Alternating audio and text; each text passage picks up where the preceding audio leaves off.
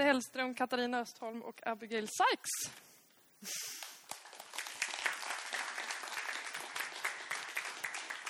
Jag kan lägga dig med Mika om du vill. Jag börjar med dig då Katarina som fick på dig myggan först. Eh, du är kulturredaktör för Örnsköldsviks Allehanda och tidningen Ångermanland. Jajamän. Ehm, jag tänkte börja med att ställa en fråga som är att när vi har läst på inför den här kvällen så är det ganska många som säger att landsbygdsbor och stadsbor i ungefär idag lever samma liv egentligen. Att alla är liksom så urbaniserade så att det finns, den gränsen finns inte längre. Mm. Vad, vad tycker du, finns det en lantis idag? Ja, jag är ju själv en. Så att, jo, det tycker jag nog att det gör. Ehm, I alla fall om man pratar om den glesbyggda landsbygden tror jag att det finns en lantis. Det kanske när man lever ett sånt liv att man verkligen trampar jorden under sina fötter dagligen och ser åkrarna, ser bönderna streta över decennier och ser förändringarna med sina e- egna ögon. Jag tror att det är en helt annan upplevelse än att sitta i en stad och eh, oftast kanske via skärmar se den här. Man kan ha samma förståelse, men jag tror att den fysiska upplevelsen är också väldigt avgörande. Eh, Dante, du är ju stadsodlare. Apropå mellanrum. Ja. Ehm, när vi har läst vi har lyssnat på någon podcast som du har varit med i och läst lite intervjuer så har du någon gång beskrivit att liksom, eh, staden är ett rum som du, eller som ni som stadsodlare på något vis tar tillbaka genom att odla i den. Eh, är det så att liksom, eller vem tycker du att staden är byggd för eller utformad för? ja, det självklara svaret borde ju vara för människorna i staden och de som verkar och jobbar där och sådär. Men eh, ja, man börjar undra ibland vem den är byggd för egentligen, staden. Eh, särskilt en stor stad, känner jag, som Stockholm. Den börjar liksom... eh, Ja, för, det är för bilar hittills är den byggd. Faktiskt. Där. Det, det, det tar ju upp enormt mycket plats. Man brukar säga att det finns inte plats för att odla vår mat i staden och sånt här. Och, och samtidigt pratar man om att man vill ha den här eh, promenadstaden, Stockholm ska det vara. Så det är en väldigt lätt grej att fixa. Det är bara att man inte har bilar inne i staden. Då får man ju enormt mycket plats. Eh, asfalt tar upp 50 procent av ytan i stan. Så det finns ju verkligen utrymme för att göra häftiga grejer i, i, i stan också. I betongen. Så jag vet inte om det var svar på frågan riktigt. Men, eh, Jo. Ja, jo. Hur är och hur det borde vara var det. ja. Mm. Eh, tack så mycket. Eh, Abigail, du är ju journalist och eh, redaktör på Landets fria tidning för sidorna Omställning och kultur. Eh, skulle du säga att det idag finns ett uppror mot en motsättning mellan stad och land? Alltså jag tycker att det är intressant, för vi gjorde en enkät, jag tror det var förra året, till lite olika så ledande landsbygdsprofiler, typ landsbygdsministern, ordförande för Hela Sverige ska leva, lite olika sådana personer liksom. Eh, och typ alla de tyckte att det har hänt någonting i landsbygdsfrågan liksom. Den har lyfts i medierna, det har blivit ett helt annat, en helt annan syn, en helt annan dialog och sådär. Ehm, men samtidigt, och det tycker jag att jag kan märka i kulturen också. Så det har kommit dokumentärfilmer, det har kommit böcker, det har hänt saker liksom. Men samtidigt kan jag väl undra lite, om inte jag hade varit insatt i detta och bevakat landsbygdsfrågor. Jag undrar om jag skulle märkt det. Jag vet inte. Jag vet inte om det märks generellt bland stadsbor att den här diskussionen finns liksom, än. Men jag tror att det kommer. Det måste det göra liksom. Eh, nu ställer jag till alla allihopa så får ni ta frågan den som vill. Eh, hur skiljer sig, tycker ni, språkbruket i beskrivningen mellan stad och land? Du menar när stad och land beskrivs i media till, Till exempel exempel? media. eller Ja, språkbruket? Bruk, bruket av bilder skiljer sig ju väldigt. kan börja Men- där. Bruket av bilder. Ja, för att eh, jag upplever när stora media, som är storstadscentrerade, då, då är det ju ofta att man hamnar i polerna som för Norrland, där jag kommer ifrån, Eh, utflyttningsbygd och den romantiken med förfallna hus och skoteråkandet och det här. Eller också ja, men bristen på jobb. Och, eller också hamnar man i det här romantiska. Eh, eh de småskaliga ekologiska odlarna och de som har eh, små ägggårdar och det här liksom gulliga, ekologiska. Liksom de två polerna. Det är sällan, som i min by bor ju en psykolog, en alla yrkesgrupper finns ju representerade, liksom, från högt till lågt. Och den bilden missar man jätteofta, tycker jag. Den finns liksom inte. Det, Och sen en grej som jag tänkte på när du ställde frågan var eh, en text som jag läste nyligen eh, från eh, en person på Hela Sverige ska leva just som pratade om att ja, men, när man pratar om städer så pratar man ju om olika städer och alla vet att det är skillnad på Stockholm och Malmö och Göteborg. Men när man pratar om landsbygden, då pratar man om landsbygden. Punkt! Och det är liksom, ja, den kan också skilja sig ganska mycket liksom. Och det var verkligen så här, ja men satte fingret på någonting liksom. Ja. Skulle vi vinna på att ha fler ord för att beskriva... Du nämnde i början också glesbygd.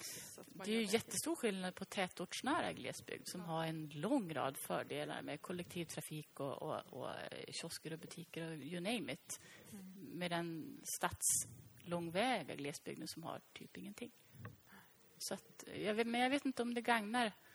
Man kan väl inte dela upp det i hur många benämningar som helst. Men kanske just stadsnära glesbygd och den liksom mer avlägsna kan man ju kanske diskutera för sig. Kan man applicera samma resonemang på städer också? Borde vi ha fler kategorier? Vi har ju storstäder och småstäder. Det är väl... Nej, Nej. Där kan man ganska nöjd tycker jag. Ehm, men, men om man, du pratar om bilder, men om man går till liksom, eh, ord och begrepp, ni är båda journalister till exempel. Alltså, hur, vilka begrepp laddar man landsbygden med inom, en, inom journalistik? Ja, men hamnar man inte mycket i det här fridfull tystnad, eh, friluftsliv, eh, skogen som läkande? Hur många sådana artiklar har vi läst? Liksom? Naturen som läkande och helande och som någon som går i en skog. Liksom. Är inte det jättemycket glesbygdsmantrat som återkommer? Eller vad säger du? Jo, men absolut. Är det begrepp som man laddar, kan, eller som man laddar en stadsordning med också? Är det liksom naturen man laddar med de begreppen? Ja, jo, eh, jag, ibland så odlar jag med, med förskolebarn, kära, som inte har någon kontakt med naturen alls. De tar sig inte ut av sina föräldrar och deras lekytor är asfalt och grus och sånt där. Så det handlar alltid om naturen, alltså odlingen, den här pedagogiken som jag håller på med. Det handlar alltid om natur. Men det finns ju massa natur i stan också. Som, som man vill försöka komma närmare och, och öka förståelsen för. Och, så. och då är odlingen det absolut bästa man kan göra för det. Liksom. Så. Men du var inne på det också Katarina, att det finns, liksom, det finns ju en bild av en mediaskugga kan man säga, av landsbygden. Men vad... Finns det, finns det en mediaskugga i staden också? Finns det saker vi tänker att det här rapporteras inte om från en stad? Varje stadsdel har ju en egen sån här lokaltidning också i en stor stad. Och eh, där rapporteras det som händer i ens lilla del av staden. Och sen så har man de större medierna som ja, är ganska så eh, storstadscentrerade såklart. Men, men, eh, men så också så rapporterar lite annat också utifrån landet och sånt där. Så det finns ju väldigt många olika, jag vet inte, det är svårt att så här greppa det där ordet medier egentligen. Mm. Känner jag just nu. För att det finns väldigt många olika nivåer på det där. Så, om jag ska säga. Och, och, och jag vet, jag kommer själv från, från Hälsingland och där har vi Hälsingkuriren. Och då får man ju verkligen en... Då läser man ju det som händer där liksom. Men det är aldrig att jag läser, no, jag läser ju aldrig någonting liknande när jag är i Stockholm liksom. Så att det är klart att det är en sorts medieskugga liksom. Men alltså, ja, om vi ska gå in på mediekritik, och det kanske vi inte ska göra, för det skulle jag kunna prata om i fyra timmar. Men alltså bara det här att det finns ju uppenbarligen ett behov av alternativa tidningar även i städerna, för det bevakas olika saker liksom. I van, vanliga tidningar och i alternativa medier så hittar man alltid hur mycket som helst som går emot de vanliga bilderna och pratar med andra personer i andra bilder. Så att jag tror medierna generellt är väldigt dåliga på att fånga upp allt. Och det blir lätt att man som konsument tror att man får veta allt om Hälsingland. Men det får man ju inte liksom. Oavsett vad man läser. Alltså man missar alltid jättemycket liksom. Och det finns en, en tydlig snedfördelning liksom. Eh, alltså som man kan ta, ta på. Att det är vissa saker som rapporteras och inte andra liksom. Men om man breddar begreppet för liksom att det inte bara handlar om media utan även liksom en större eh, en centrumblick eh, på... Är den, är den blicken viktig? Finns det en känsla av att det är viktigt att en slags centrumblick tittar på till exempel en landsbygd, ser oss i vår på vår glesbygd? Jag tycker att de ska titta på varandra. Att, det fanns, att, de, att de kunde spegla sig i varandra. Nu är ju centrumblicken väldigt tung. Den har ju liksom tolkningsföreträde, den som tittar ut på landsbygden. Men jag skulle vilja att landsbygden kunde titta lika mycket in på stan och säga så där kan ni bli bättre, höll jag på att säga. Men jag förstår vad jag menar. Mm. Ja, Den finns nog, men den är så liten och tyst så att den, är, den gör sig inte hörd riktigt. Ehm, Men hur, ehm, hur ser en sån blick ut, eller vad man nu ska säga? Hur ser en eh, periferiblick ut? På storstaden. Ja. Eller på... Eller på, sin, på an, annan glesbygd eller landsbygd? Eller? Ja, är det inte väldigt lätt att hamna i offerkoftan som på glesbygden, tror jag? Mm. Mm, Det är mycket att det talas om att eh, råvarukolonier och vi får ingenting tillbaka och vi ger så mycket till Sveriges BNP och, men vi får ingenting tillbaka. Skatterna betalas i Stockholm. Och det, lite väl kan det väl kantra åt det hållet, känner jag, istället för att man tar tag i det och gör någonting annat. Jag läste bara häromdagen om en by i Wales där de hade, jag vet inte om ni kanske också såg det, ehm, där de har motat alla storföretag. Alla internationella jättar som vill komma och etablera sig har de hejdat. Senast gick de ihop och köpte en fastighet som någon stor, mm, ett storföretag var intresserad av. Och sa nej, den här köper vi själva. Så den byn är bara lokala affärer, bara lokala grönsakshandlare, whatever. För att de har gjort någonting. Och jag kan känna att landsbygden kanske sitter där och är liksom liten. Jag kan ha fel. Jag tycker det låter bra. Jag, tror, jag tycker att du har rätt. Alltså. Ja. Ehm, Men jag gillar verkligen den här idén om att titta på varandra och prata med varandra. Och vi skulle kunna hjälpa er med den här grejen och ni skulle kunna hjälpa oss med den här. Och har ni tänkt på detta? Och liksom, För man ser ju samhället från två olika håll. Ja. Ganska radikala. är nog lite så. Mm. Men alltså det här med att bli sedd av, av centrum och så. Alltså, min upplevelse är i alla fall att vi som individer gärna vill bli sedda. Alltså det är ju väldigt sällan som jag som kulturredaktör ringer någon och den säger att nej tack, jag vill helst inte ha någon uppmärksamhet för mitt projekt som jag brinner för.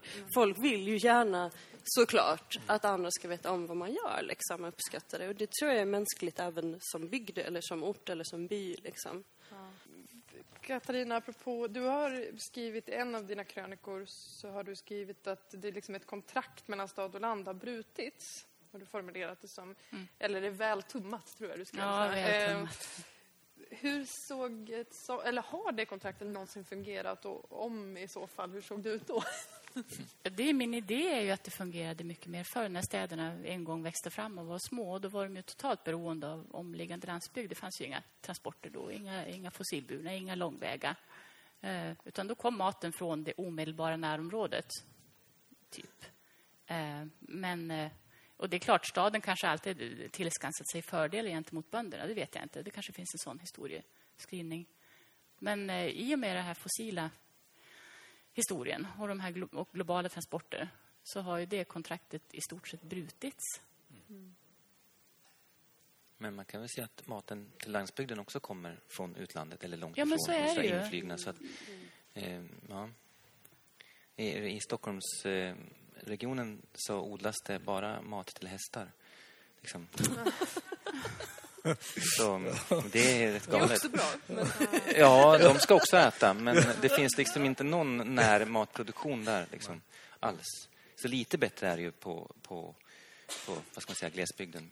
Mm. Ja. Och vi har ju också, I byarna finns det ju små gårdsbutiker och små odlare. Så man kan, visst, den här bondens frys, har ni det här nere? Nej, det har vi uppe hos oss. Alltså det finns en speciell frys i affären där det är just kött från en ganska närliggande bonde. Så det finns ju lite motkrafter. Men ändå är det ju till största delen ett normalt butikssortiment liksom, som finns överallt. med det kretsloppet, tycker ni att det saknas en helhetsbild av stad och land eller liksom landsbygd, glesbygd och städer? Att ett sånt kretslopp, skulle vi behöva en sån helhetsbild? Ja, vi skulle Ja. behöva det och ja, det saknas. Absolut. Vill du börja? Nej, nej, jag bara håller med. Jag menar, det är bara svar ja. Det är klart det behövs ett kretslopp. Ja.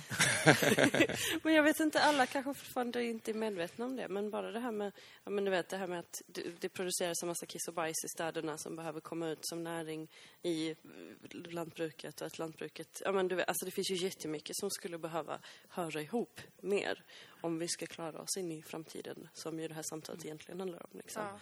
Om vi inte ska vara beroende av importer från Kina, då måste vi bli väldigt mycket bättre på det där och inte slänga saker i onödan. Och, Jag måste berätta en sak om jag får bryta in. Jag- var och gjorde ett reportage, det var innan jag blev kulturredaktör, på ett st- storköket på Sollefteå sjukhus. Och där hade de, deras potatis eh, var konserverad eh, från Holland. Konserverad skalad potatis i plåtburkar från Holland. Så att, och diverse annat också, men det var nästan det mest flagranta exemplet. Ja. Nej, jag tänker på... Eh, det är så här exempel på dålig design, kan man säga. Utav att man inte har kretslopp i en... Man kan inte sluta kretsloppen i en stad. Man kan inte... Eh, ja, men typ man bygger eh, jättemycket vägar. Det, så alla de här grejerna, det är exempel på dålig design. Och allt som är dålig design kan man göra bra design av. Liksom. Så det tänker jag mycket på. Hur man kan göra för att sluta kretsloppen liksom, och sådär, i staden. Och jag håller på med eh, permakultur mycket. Så. För där finns det, finns det mycket idéer och, och input för de där grejerna. Så.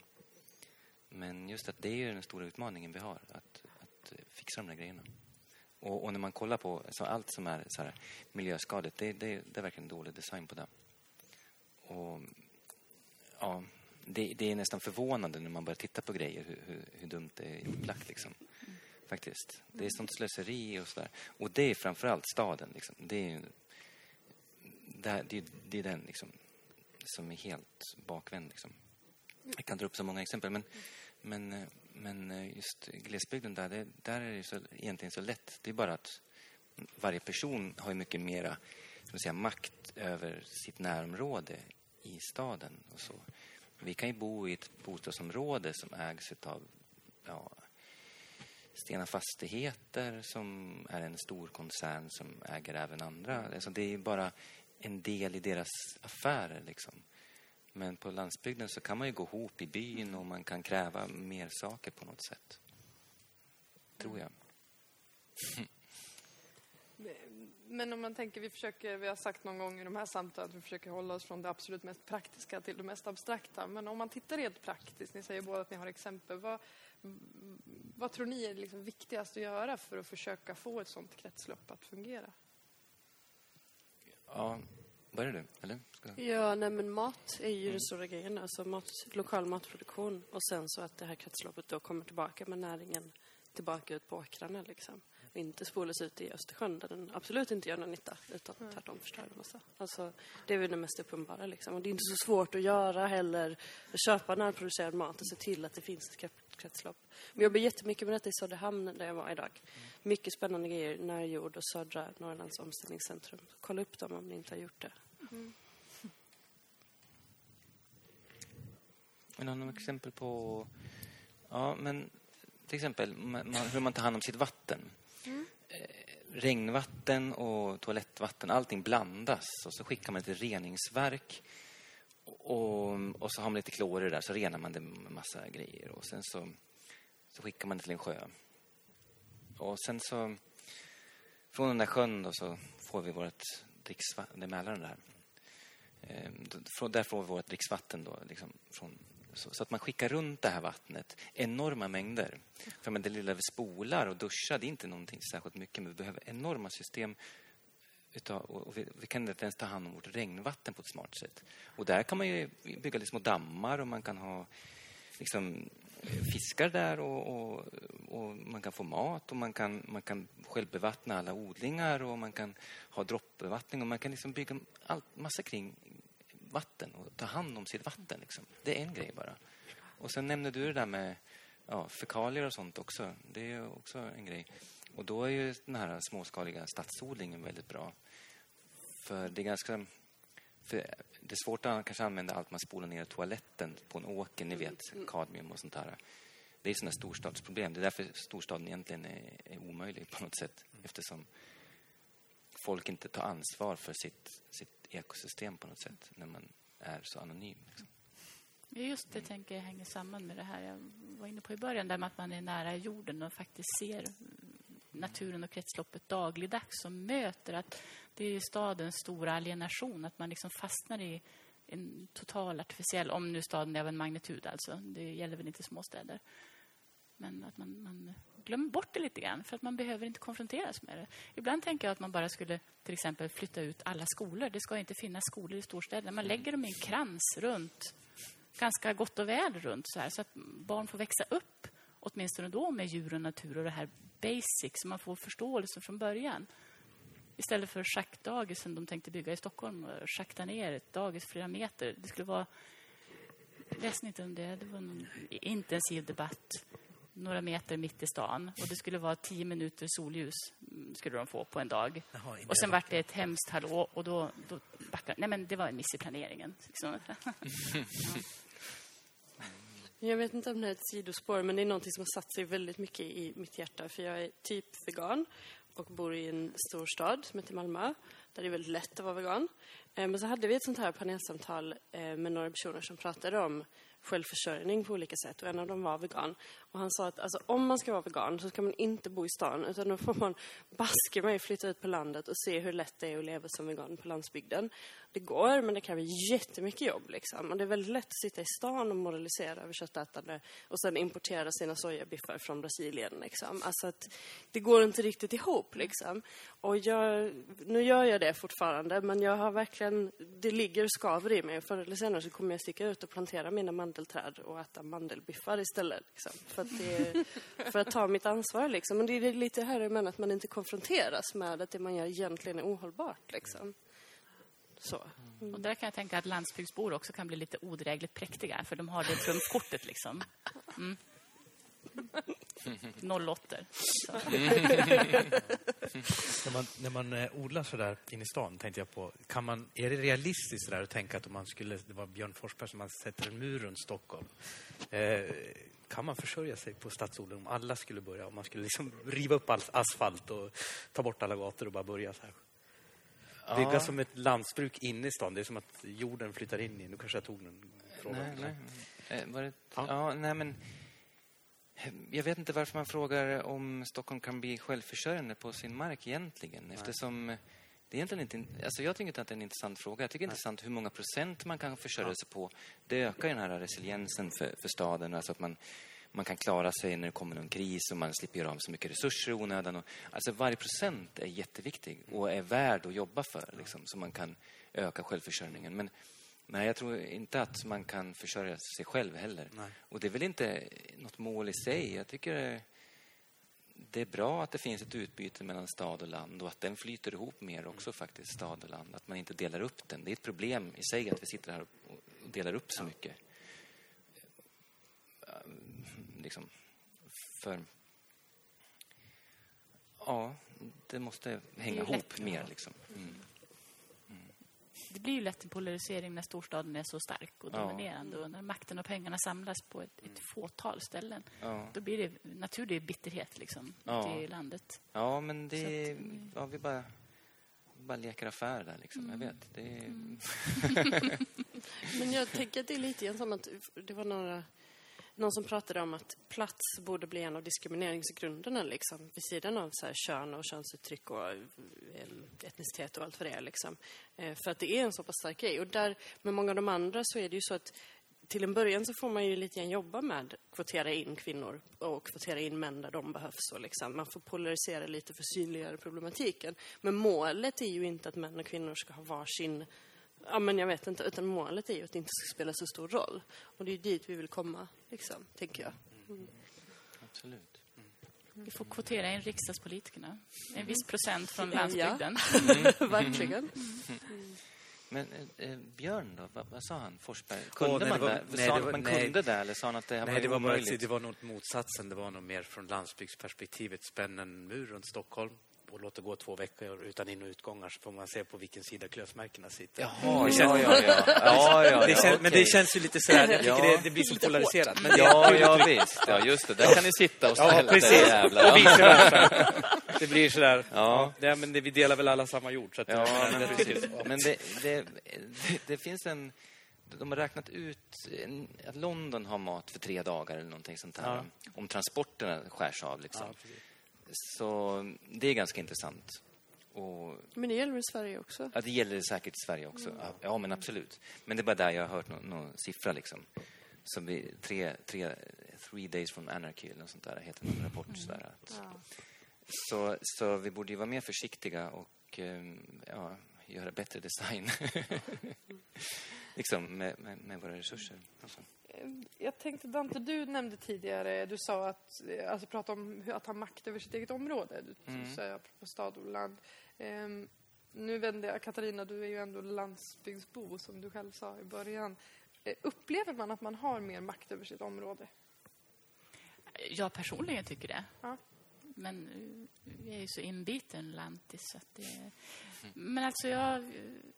Jag, jag känner nog en mycket större fysisk trygghet både ur den där tre dagars aspekten och eh, för min egen person. Jag trivs väldigt bra i den sociala miljön. Man får vara väldigt mycket för sig själv och ha väldigt mycket areal. Man har skogen till sitt förfogande. Liksom. Du har väldigt mycket utrymme där du kan backa undan. Du kan också söka dig till sociala sammanhang.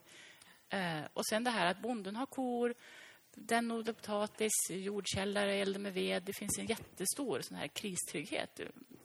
Vi klarar oss. Jag klarar mig liksom. Länge. Så att... eh, Jag kan inte förstå hur man vill bo i en stad. jo, det kan jag såklart. Men, Ehm, stadsodling som vi sa i början, nu återkommer jag till det, det är ju verkligen ett sånt mellanrum, eller vad man nu ska säga. Eh, vad som ligger däremellan, när det liksom landsbygd flyttar in på ett sätt, eller vissa funktioner flyttar in i alla fall.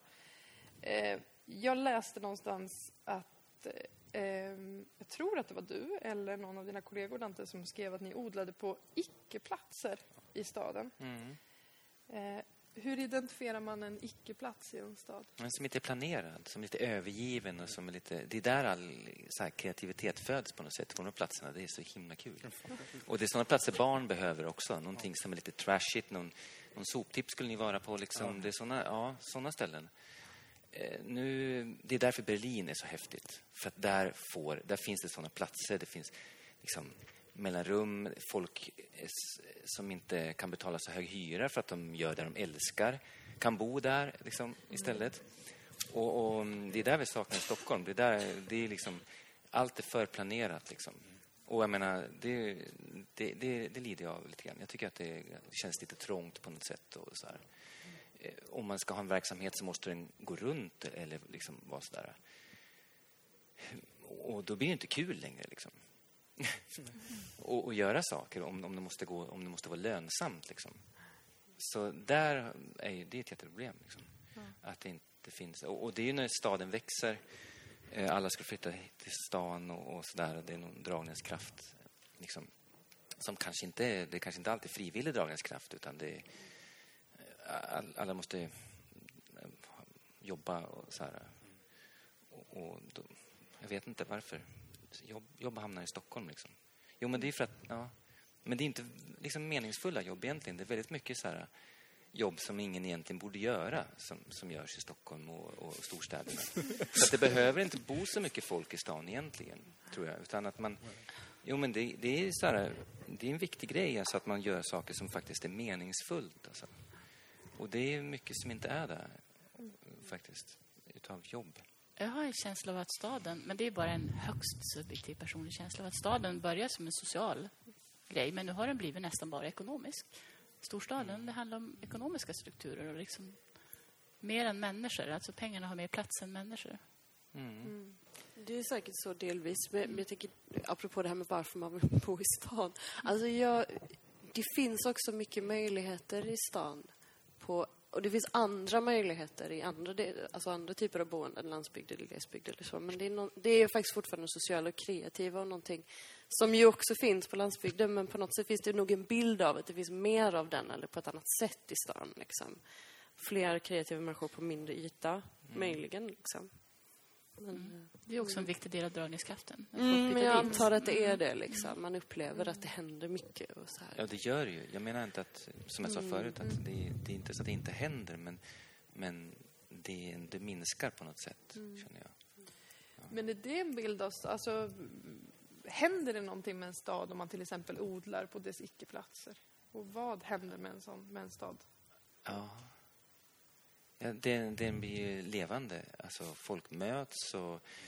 Eh, ja, verkligen. Det, det är ju en stor grej. Folk, folk träffas och pratar. Alla har en relation till mat och växter och insekter. Och folk möts och träffas och, och sådär. Så det är ju det är ju den stora sociala grejen.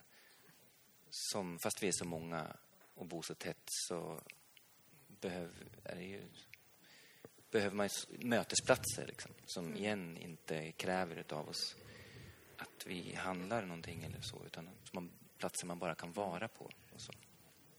Det. Är odlingen... Hur ska jag... ehm, är, odlingen, har den ett egenvärde i det? Skulle man kunna tänka sig att... Eller har den det? Har odlingen, ehm, är odlingen på samma sätt en mötesplats i en landsbygd som i en stad? Förstår ni frågan? Den var improviserad. Ehm, kan man, mö, är odlingen en mötesplats på landsbygden? Det tycker jag inte. Inte nu längre. Det blir väldigt ensamt att vara bonde. Jordbruken blir större och större, korna blir fler och fler. Bönderna färre och färre har råd att anställa färre och färre. En bonde får göra allting från mm, sköta bokföringen, vara maskintekniker, laga traktorn, kunna IT, kunna odla, kunna förlösa en kalv, liksom rubbet. Och de, de jobbar så mycket själva. Det är ingen som kommer dit. Liksom. Det är jättesorgligt, för det borde vara tvärtom. Det borde vara så många händer som samlas runt den här byns jordbruk. Liksom. Så att, men jag tänker att det är ett tecken på den här obalansen. Men jag, men för jag tänkte faktiskt lite på när du sa det också, att jag har aldrig riktigt tänkt på det. Men jag menar, mina föräldrar bor i en väldigt liten by i Mellanskåne. Och där fanns grisar, det finns eh, en åker liksom mitt i byn och sådär. Men jag menar, jag har ju aldrig varit med och odlat. Jag vet inte hur det går till. De där grisarna kände vi bara doften av. Vi såg ju aldrig dem och så vidare. Alltså, så nära matproduktion kommer man inte bara för att man har den intill sig egentligen. Man ser den kanske lite grann, men man är inte med liksom. Det är ju mer i så fall om man har en trädgård. Och en trädgård kan man ju ha även i min stad. Koloniträdgårdar. Jag vet inte om det finns nu för tiden, om det är modernt nu riktigt. Jo, men det har ju kommit tillbaka. Alla mina kompisar har kolonilotter nu. Så det, Det är supertrendigt. ja, det är det Ja, faktiskt. ja. Mm. Det är lite kul ändå. Ja, ja, men det är fint alltså.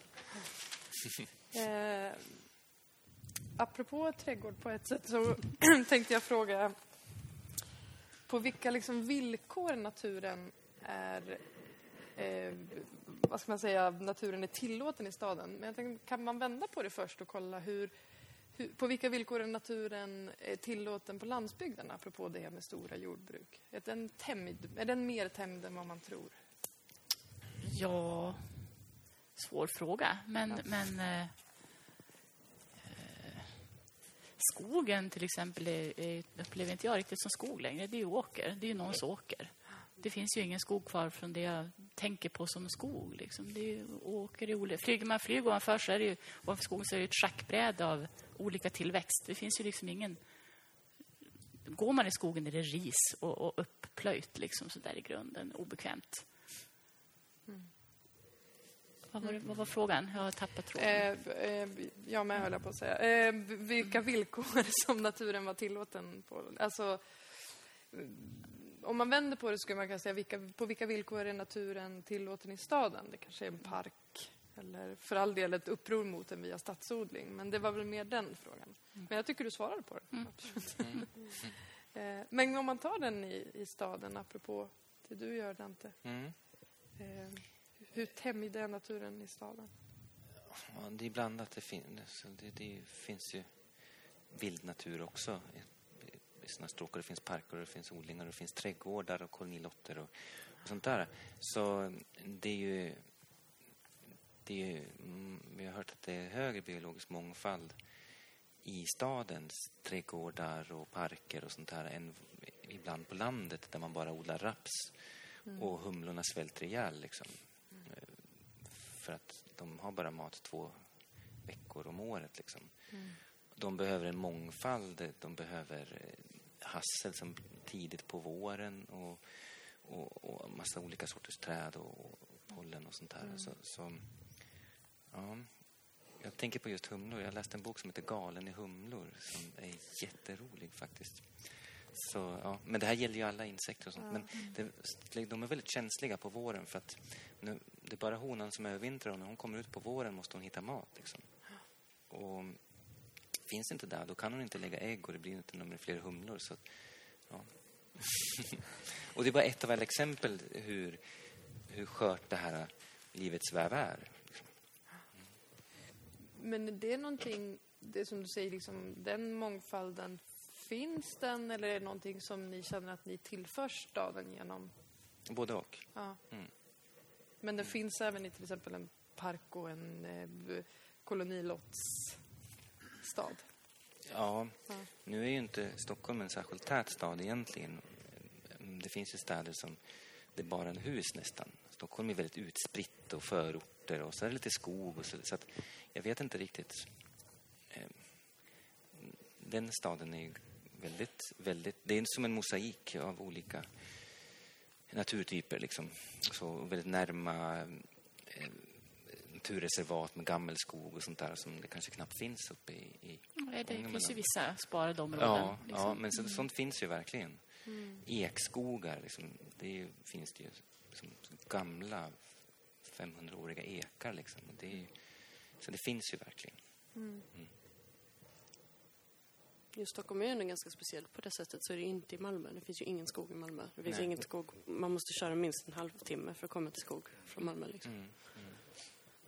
Ehm, jag vet att du, Katarina, har skrivit eh, också att, ehm, att man i städer lätt liksom kan tappa kontakten med eller förståelsen för en naturbild. Mm. Ehm, hur, skapa, eller, hur lätt är det att tappa den förståelsen på en landsbygd?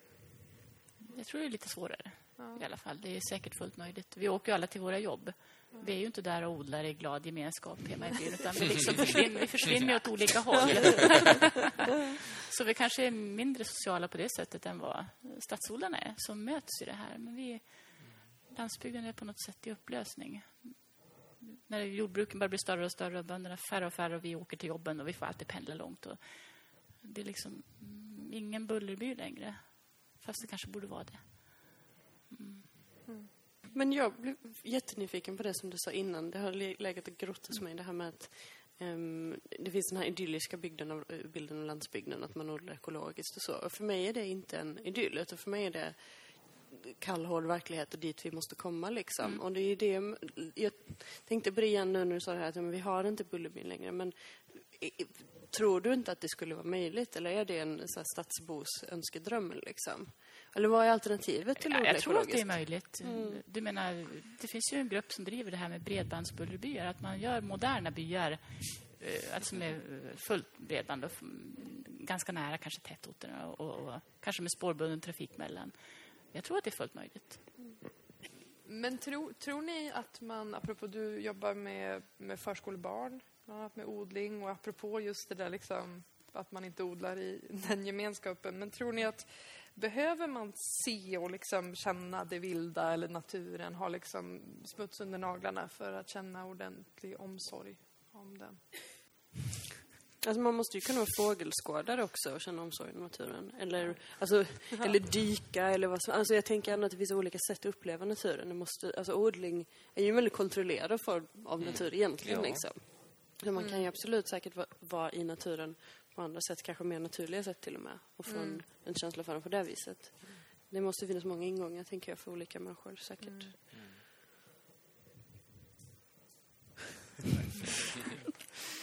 Ehm, jag byter ämne. Nej, så Ehm. farligt var det inte. Vi, eh, apropå jag frågade ti- tidigare liksom, hur man gör rent praktiskt. Hur, eh, om man tänker lite rent praktiskt, alltså det egna livet för att leva klimatsmart eller för att leva liksom, på bästa sätt. Hur, hur skiljer sig ett klimatsmart liv på en landsbygd åt från ett klimatsmart liv i en stad?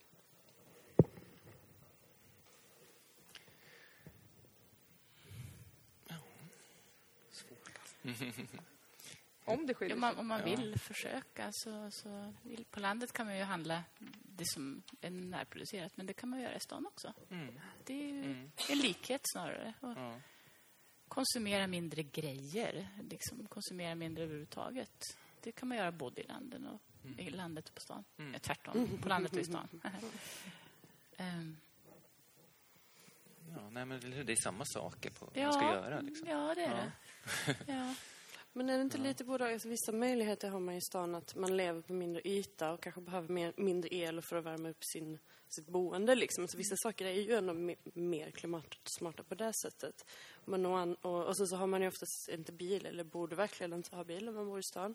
Eh, och där har man ju, det måste man ju ha i många delar av landsbygden på ett helt annat sätt. Liksom. Å andra sidan, där har man ju möjlighet att verkligen odla egna grejer och att ha kontakt med grannbonden och så på ett annat sätt. Så det finns väl för och nackdelar med båda. Liksom. Men de stora bitarna är ju kanske att inte flyga, inte konsumera så mycket och så här. Och det kan ju alla göra liksom. Och köra Tesla elbil. Ja, för det är Ja. viktigt att köpa teknik. Men det är... Nej, det är inte säkert att det är mer miljövänligt än att köra en gammal bil. Nej, Nej. nej, okej. Ehm, om vi fortsätter spåret på det här med liksom en domesticerad tillvaro, eller när eh, område på olika sätt. Eh, finns det en känsla, liksom, så, alltså, är det samma känsla hos en lands, generellt hos en landsbygdsbo och en stadsbo, en känsla av att ta tillbaka sin plats på olika sätt? Apropå en stadsodling eller en plats utformad för en turism eller Menar du om det är det nu, eller vad menar du? Ja, skulle man kunna säga det? Finns det en sån... Eh, apropå, vi, jag frågade är stadsodling ett sätt att liksom ta tillbaka sin stad. Mm. Ehm, kan, finns det sådana rörelser på landsbygden också? Att återerövra Ja. landsbygden. Ja, det startas ju andelsjordbruk, lite grann så. Att folk flyttar ihop Ja. och... Det är sådana grönsaks och köttlådor man kan köpa, men den är ganska liten upplever jag, och ganska svag. Den kommer och går liksom, den, den klättrar inte riktigt. Det kan ju vara stadsbor också som vill köpa in sig i landsbygden. Exakt. Också, liksom. Ja, exakt. Mm. Det är också vanligt. Man köper en ko så tittar man på den på håll. Liksom. Den här kon ska vi äta sen. Det, det finns ju också. Mm. Man får och klappa på den med fel kon. Liksom. Den har det bra här ute. det är sympatiskt, tycker jag. Absolut.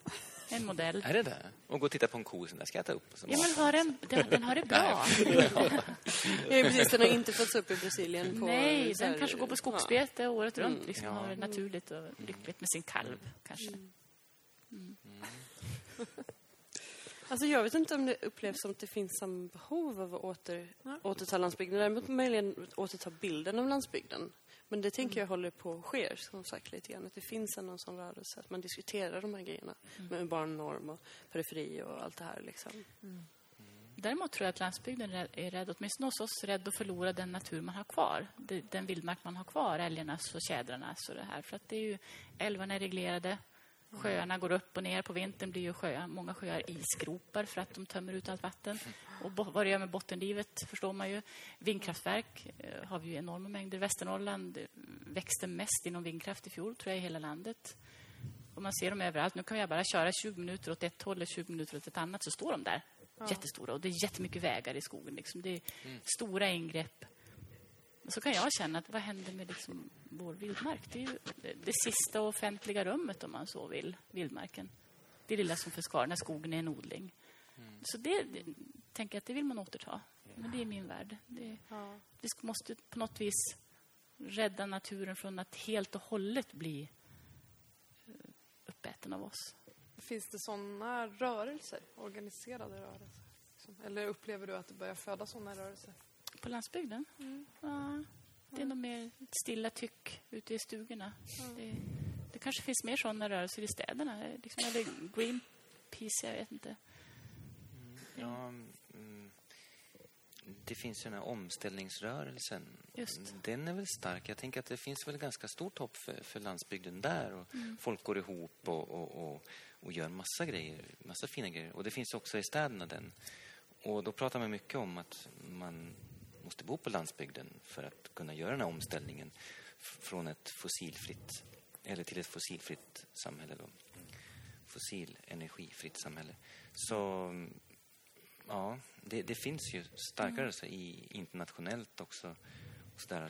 så att, eh, jag känner stort hopp för det. Men när man hör dig så låter det som att, eh, där, att det är väldigt... eh, Lite tröstlöst kan det Lite vara. svårt där, ja. Men, det går eh, liksom bara åt Nu ett bor håll. du inte i Bullerbyn, det ligger ju i Småland. Nej, men det finns ju såklart... eh, Ja, jag- ja, jag, tänker mig att ja, Norrland är ganska exploaterat också. Mm, det är det faktiskt. Det, Men jag har undrat över det, just omställningsrörelsen skriver jag ju ett uppslag om i veckan liksom, Ja, och så. Men omställningsrörelsen, vad jag förstår, är inte så stark i Norrland överhuvudtaget egentligen, eller i alla fall inte norr om typ Östersund liksom. Utan det är ganska mycket södra Sverige, för den är ju väldigt mycket landsbygdsfokuserad och just knyta an i sin, e- sitt eget närområde och se vad behövs här. Och vissa kanske tycker att det behövs ett vindkraftverk, medan andra tycker att nej, men vi behöver ha Ah, ja, jag vet inte vad det skulle kunna vara, men så här, vi behöver ett kulturcentrum eller vi behöver eh, stärka fotbollsföreningen. Det kan verkligen vara vad som helst. Men det handlar om att vad tycker vi här är viktigt? Liksom? Stärka landsbygden på olika sätt och även socialt liksom, och ekonomiskt och ekologiskt. Så att allt det där hör ihop. Liksom. Och det är häftigt. Liksom. Och där finns inga rätt eller fel. Liksom. Så. alla vill ha ett levande lokalsamhälle. Det Ja. är med skolan, affären och allting. Va? Det, och helst att kommunen köper potatis från lägden runt omkring då. Mm. En sån, ett, ett sånt tema som vi ofta återkommer till, eller som vi återkommer till i varje samtal är ju hur kommer världen se ut om 30 år? Egentligen är det bara en liksom, tankelek, det kan vara 20 eller 40 år, det spelar inte så stor roll. Men, ehm, hur tror ni att staden kommer se ut om 30 år? Så jag hoppas ju i alla fall att den här utvecklingen kommer att ha vänt. Att det inte är lika självklart att flytta in till stan. Och jag tycker ändå att jag upplever det, att det finns en tydlig rörelse att vad ska vi i stan göra liksom? Alltså det är ju på landsbygden man har möjlighet att leva klimatsmart och har möjlighet att styra över sitt eget liv och mår bättre och för massa sånt. Och det är kanske en romantiserad bild liksom, så kan det vara. Det är väl lite gröna vågen och så, men Ja, så jag hoppas i alla fall att staden inte är... Den är inte lika självklar och den är inte lika liksom upphaussad som den är idag. Det hoppas jag verkligen. Och att det finns ett mycket tätare band liksom.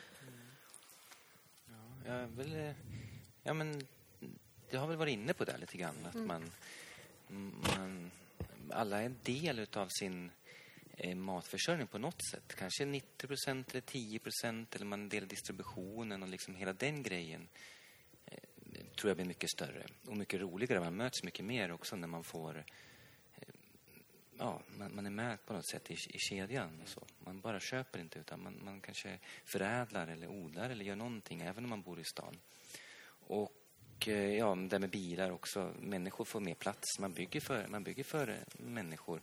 Och ja, det är klart alla taken. Man, man, det finns ju miljoner tusen kvadratmeter tak att få el ifrån också. Sådär. Och, och det kommer väl bättre teknik på det också. Man kan väl bara måla tror jag, fasaden med färg som alstrar el, tror jag, då också. Det kan man nog redan. Ja, men det har kommit längre, så man kan köpa det på färgbutiken. Så, så det kommer inte vara några energiproblem så, tror jag, att man måste använda något fossil bränsle, nästan, för, för uppvärmning och el och sånt.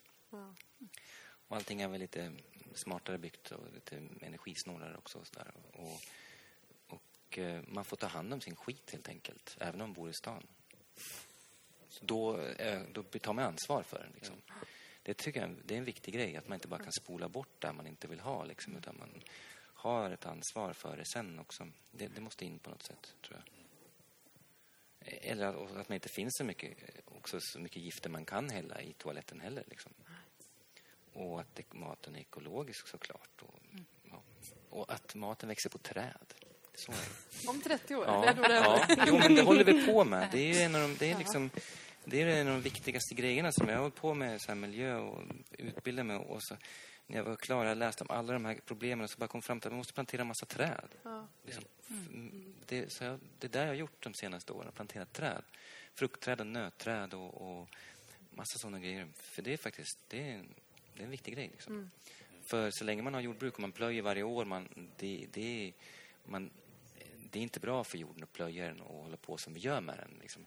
Vi har haft tur här, vår jord är helt okej, men på många ställen, jag menar den fertila triangeln eller någonting, det är ju där jordbruket började, det är en öken nu. Liksom. Jag menar, vi har ju, Det är en av de största miljöproblemen vi har i världen just nu är ju jordförstörelse liksom, på grund av betande, intensiv betning och traktorer som kör sönder jorden och den torkar och blåser bort. Och liksom, vi, vi, det, vi måste ha matskogar liksom, för att försörja oss med. Och det är också om 30 år. Mm. Men de träden måste vi plantera nu. Liksom. Ja, mm. just det. ja. Eh, ska inte Katarina svara också? Va? Eller jag vill jättegärna höra vad du tror. eh, om relation, vad var det? Om, om... om hur staden kommer se ut om 30 år. Jag hoppas att, eh, att staden och landet har mötts ja. mycket mer och gått in i varandra mycket mer ja. än vad de gör nu. Så att eh, landsbygden kan få ta del av det bästa hos staden och staden också på något vis har brutits upp och lite flyttat ut på landet i relationer eller i fysisk form eller i skolor, äldreboenden, inte vet jag. Men jag tror att staden har mycket att hämta hos landet och jag tror att landet har en del att hämta hos staden. Mm. Är det en efterfossil stad? Vi pratar om om 30 år? Ja. Jag tror vi måste lära oss att göra av med mycket mindre energi. Vi ska, behöver inte producera mer. Jag tror att vi är fel ute. Vi producerar mm. mer och för att sälja utomlands. Varför det? Vi måste nog ne ha nerväxt snarare mm. än tillväxt. Vi kan inte fortsätta. Vi måste lära oss vi måste liksom komma ner på en nivå där vi kan överleva. Och mycket mer med dina nötträd och allting sånt. Mm. Mm. Hur ser en efterfossil landsbygd ut? Apropå, ni pratar elbilar och för och emot att köpa. Vi pratade om ny teknik förra gången till exempel, att det inte alltid är kanske mm. det mest miljövänliga. Nej, inga traktorer och inga timmerbilar då, Nej. kan det ju vara. Kanske inte vi har kommit tillbaka till hästen. Mm. Det kanske finns andra tekniska hjälpmedel man kan utveckla. Jag vet inte. Det är svårt att säga, det är svårt att se. Men jag tror vi kan göra mycket manuell eller, eller teknik, att vi kan utveckla den liksom, icke-fossila tekniken mycket, mycket mer om vi verkligen sätter tänderna i det. Mm. Jag menar, vi kan odla människoöron på ryggen på möss och vi kan flyga rymdsonder till Mars. Det självklart kan vi utveckla liksom en, en annan typ av teknik än den fossila. Bara viljan finns. Mm. Men det är ju lite absurt att vi effektiviserar bort så himla mycket jobb och sen så står vi med en massa folk som är arbetslösa. Och jag vet att det är någonting som redan förskolebarn inser problematiken i och tycker att det finns enkla lösningar. Jag tycker fortfarande det borde finnas enkla lösningar på det där. Vi för många människor, det finns för lite jobb. Nej, det finns jättemycket som skulle behöva göras liksom. Mm. Alltså det är inte det som är problemet. Ja, verkligen. Så. Den icke-fossila tekniken eh, som ni just pratade om, kan, är det skulle en sån teknisk utveckling kunna liksom påverka uppdelningen mellan stad och land på ett positivt sätt? Minska? Mm. Helt klart. Vi kan ju inte åka så långt så fort. Det blir ganska naturligt att, att det drar ihop sig i celler mer kanske. Mm. Eller när vi inte kan flyga hit och åka bil dit som jag har gjort idag. um. Att det liksom naturligt blir en småskalighet i systemet när det fossila försvinner. Kanske. Ja, det måste och fler ja, händer ja, i produktionen när, när de här maskinerierna försvinner också. Kanske det blir mer ett högre manuellt inslag. Ja. Jag vet inte. Mm. Ja, vi behöver ju röra på oss. Ja. Får springa till gymmet liksom och måste röra på sig annars så går kroppen sönder liksom, om man inte rör sig. Så det är bara naturligt och fint. det är ingenting man behöver vara rädd för att det skulle bli slitsamt eller någonting sånt där. Utan man, jag tror att det, alltså vi vet ju att våra kroppar behöver vara ute i naturen. Vi är gjorda för att ströva ja, och jobba ja, dagligdags. Ja, ja, men visst. Mm. Det finns ju en stor glädje i det att bära ved och bära vatten. Det är mm. jättekul, mm. dag efter dag. Mm. Får jag fråga? fråga? Att du har ju haft mycket odling med barn. Mm. Hur funkar det? Alltså, vad är det som... Hur, hur gillar de det?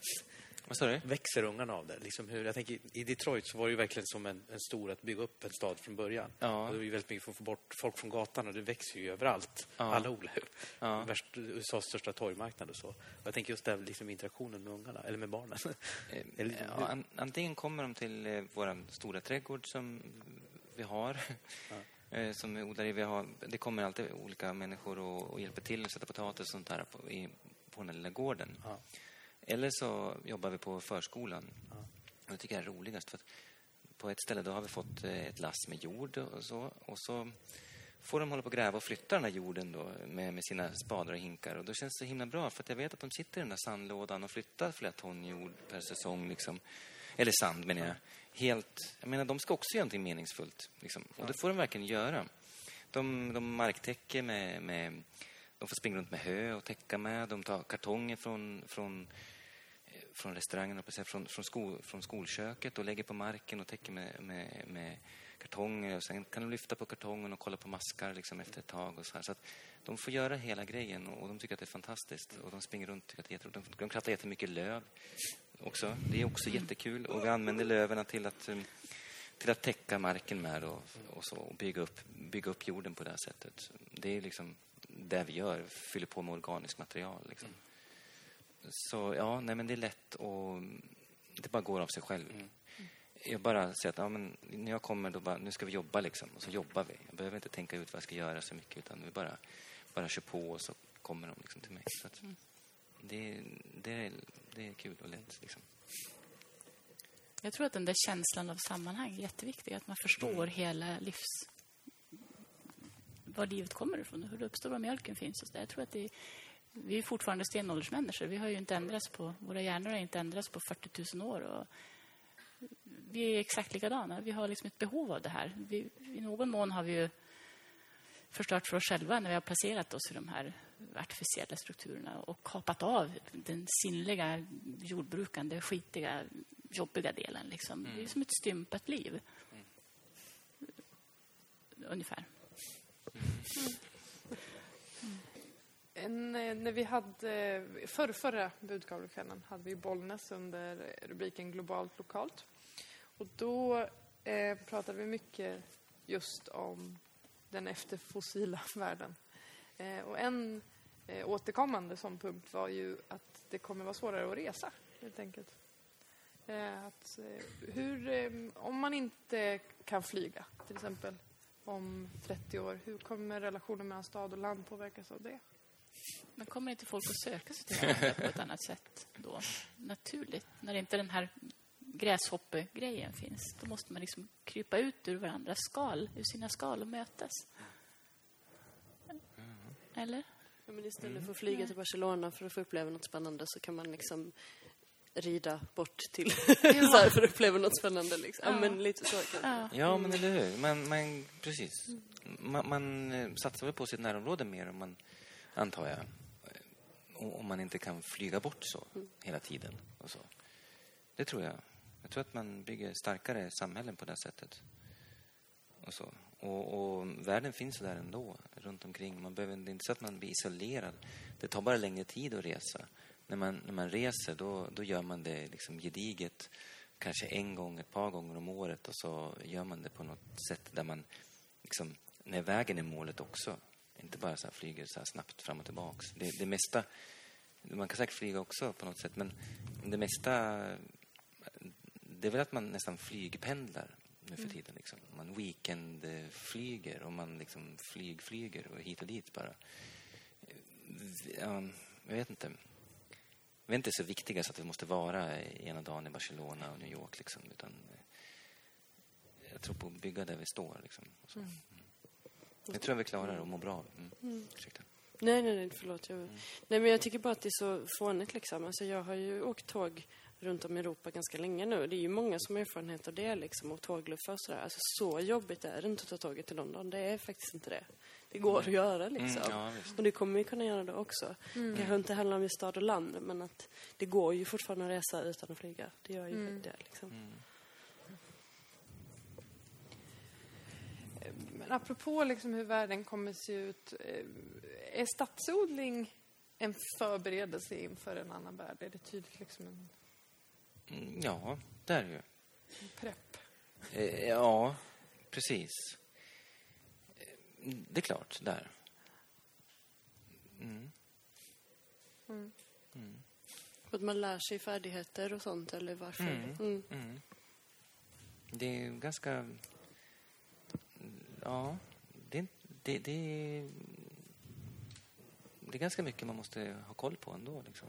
Alltså, när man, man ska odla och så. Så visst, visst är det det.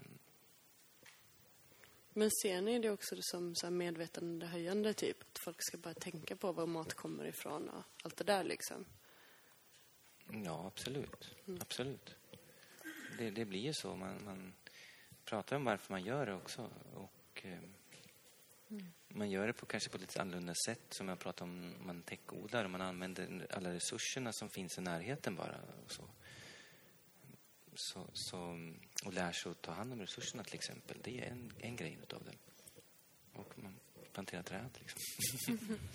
det är en väldigt fin grej. Väldigt så här, ja, det, det verkligen binder en till en plats också. Man har, man har satt sina träd där liksom. Och så.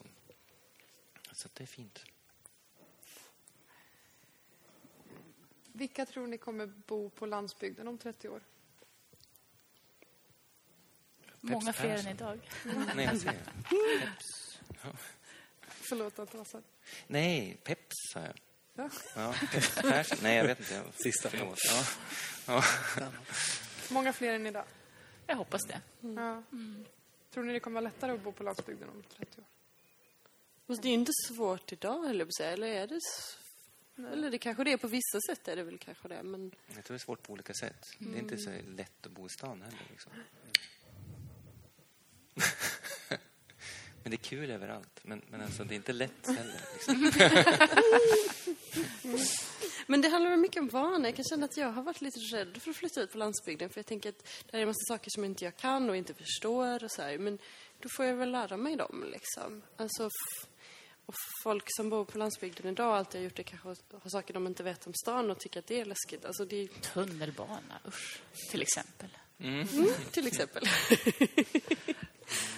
Ehm, vi började lite tidigare så jag tänkte faktiskt runda av strax. Ehm, en eh, sista, också stor fråga, men mer en diskussions... Eh, en eh, sista... Tror ni att det finns eh, om 30 år saker som har bytt plats mellan stad och landsbygd? Funktioner eller idéer som kommer ha motsatt förhållande? Ja, jag tror att eh, man producerar mer i stan helt enkelt. Eh, till- så. Till exempel odlar, gör, eh, fångar sin elektricitet och man behöver inte skicka grejer på samma sätt. Så, men byt plats, det, jag vet inte, det har alltid gjorts. Staden har ju varit ändå uppbyggd på att man har odlat i den jämt. Sen har man glömt bort de senaste 5, 40 åren, vet jag. Och sen har man kommit på det igen. Det, så, så att, och, och internationellt så odlas det i alla städerna och liksom också jättemycket. Så att det är inget som inte... Nej, jag vet inte. När det byter lite då Nej, och det, då? det byter ju inte liksom, egentligen. Utan det bara fortsätter. Liksom, ja. den grejen. Men att man producerar mer. Och det ser man också. Såna här, jag har haft lite eh, kontakt med, med arkitektstudenter och sånt här. Och de pratar om det här, så här att ja, men det, som är, det som är grejen nu det är att det ska vara någonting som producerar någonting. Liksom. De var nästan trötta på det. Jag tänkte bara wow, det är ju rätt häftigt alltså. Så de ritar grejer som ja, det ska vara produktivt på något sätt. Det är rätt häftigt. Form av odling och el och liksom Ja, på det viset? odling, el och byggnader och liksom, Ja. det ska finnas plats för produktion på olika sätt. Och liksom, sådär. Så det, är- det är någonting, det är spännande. Ja, men det tycker jag... Ja, förlåt. Nej, nej, börja. Eh, Det är jättebra tankar. För att just elproduktion är ju på landsbygden idag och den går till staden mycket. Att man, det kanske blir mer självförsörjning i staden. Att, men byta plats vet jag inte så radikalt att... Sen hoppas jag också att makten fördelas ut till fler mindre ställen än att den samlas på... Men det är inte heller att det byter plats kanske, men att det blir en jämnare balans. Eftersom det inte finns någon gräns så kan man inte säga att någonting byter plats heller. Det är bara så att det är tätare här och så blir det lite glesare och så, och så liksom är det människor och så är det bilar och så är det liksom skog och så är det djur och så är det hus. Liksom. Sådär.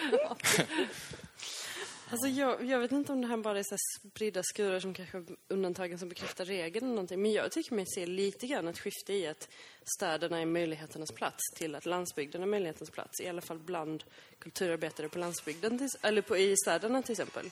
Att, eh, alltså att... Eh, förlåt, jag tappade tråden lite grann. Men, eh, men att det är roligare att göra saker på landsbygden. Och där är också en idealiserad bild, liksom. men att det finns en gemenskap på ett annat sätt. Alltså gör du ett projekt i eh, centrala Malmö så är det jättemånga människor som bara kommer missa den. Gör du ett projekt i centrala Hofors, då kommer ganska många människor i Hofors och vet att du har gjort det. Liksom. Att det blir lite annan grej. Och att jag upplever, jag undrar om det skulle kunna bli en sån grej. Att det är så här, visst, man kan bo i stan och det är ju fine och så här, men det spännande grejer händer på landsbygden. Liksom. Det är där, så här. Och, och det hade ju varit intressant om det blev så, eller i alla fall mer så kanske. Liksom. Ja. Tack så jättemycket, Abigail Sachs, eh, Dante Hellström och Katarina Östholm. Tack så jättemycket. Tack själv.